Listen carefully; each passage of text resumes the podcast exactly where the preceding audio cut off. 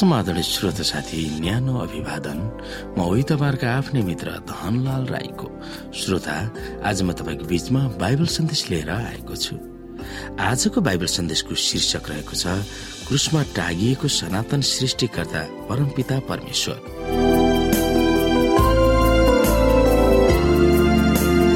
श्रोता साथी अपराधीलाई क्रुसमा टाँगिएर मृत्युदण्ड दिने सजाय रोमी सभ्यताको सबभन्दा कठोर र निष्ठुर सजाय थियो। सबैभन्दा खराब तरिकाले मर्ने सजाय भनेर मानिन्थ्यो। कुनै पनि मानिसलाई त्यसरी मार्ने भयानक र विभत्स सजाय मानव क्रूरताको पराकाष्ठ थियो। त्यसमा पनि परमप्रभुको पुत्रलाई त्यसरी नै मृत्युदण्ड दिनु उहाँलाई गरिएको तिरस्कारको चरम सीमा थियो। हामीले यो कहिले पनि बिर्सन्नुहुन्न कि उहाँ हामी जस्तै मानव हाड र छाला लिएर आउनु भएको थियो। उहाँलाई पिड्दा कोरा लगाउँदा उहाँका हात र पाउहरूमा काँटी ठोकिँदा र घाउ नै घाउले छेद विच्छेद भएको शरीर क्रुसमा लत्रकै झुनिनु पर्दा उहाँको शारीरिक पीडा र दर्द अश्रय भएको थियो यो कठोर दण्ड सबभन्दा खराब अपराधीको निम्ति पनि निर्मम नै थियो।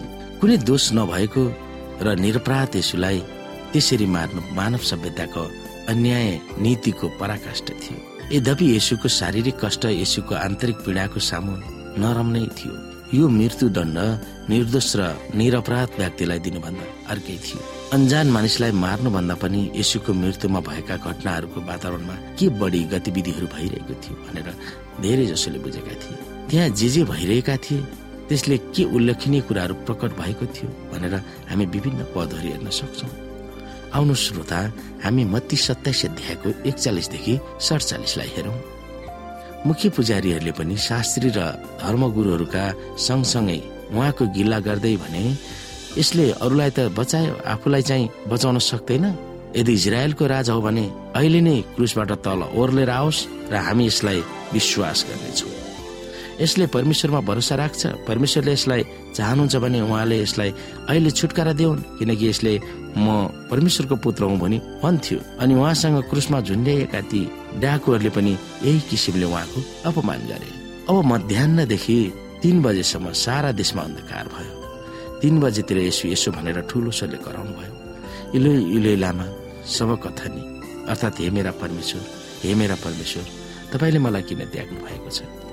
त्यहाँ उभिएकाहरू मध्ये कतिजनाले यो सुनेर भने यस मानिसले एलियालाई बोलाउँदैछ। यसै गरी हामी मत्ती सत्ताइस अध्यायको एकाउन्नदेखि चौवन्नसम्म पनि हेर्न सक्छौ।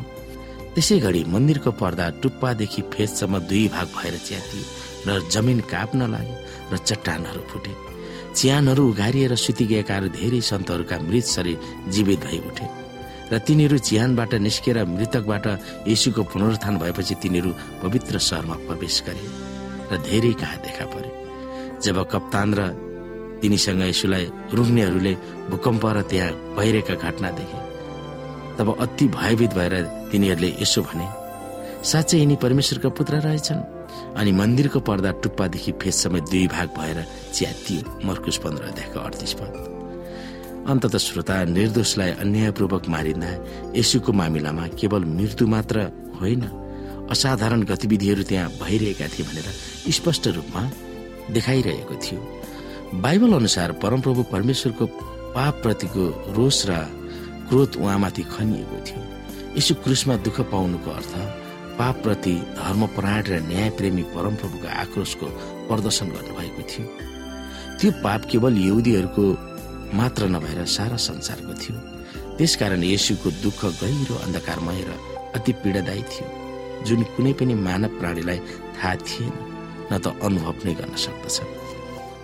अन्तमा श्रोता साथी तपाईँ जुनसुकै सङ्घर्षहरूको सामना गरिरहनु भएको छ क्रुसमा यसुको महाकष्टको वास्तविकताबाट तपाईँले कस्तो आशा र सान्त्वना खिच्न सक्नुहुन्छ त्यो तपाईँ सोच्न सक्नुहुन्छ।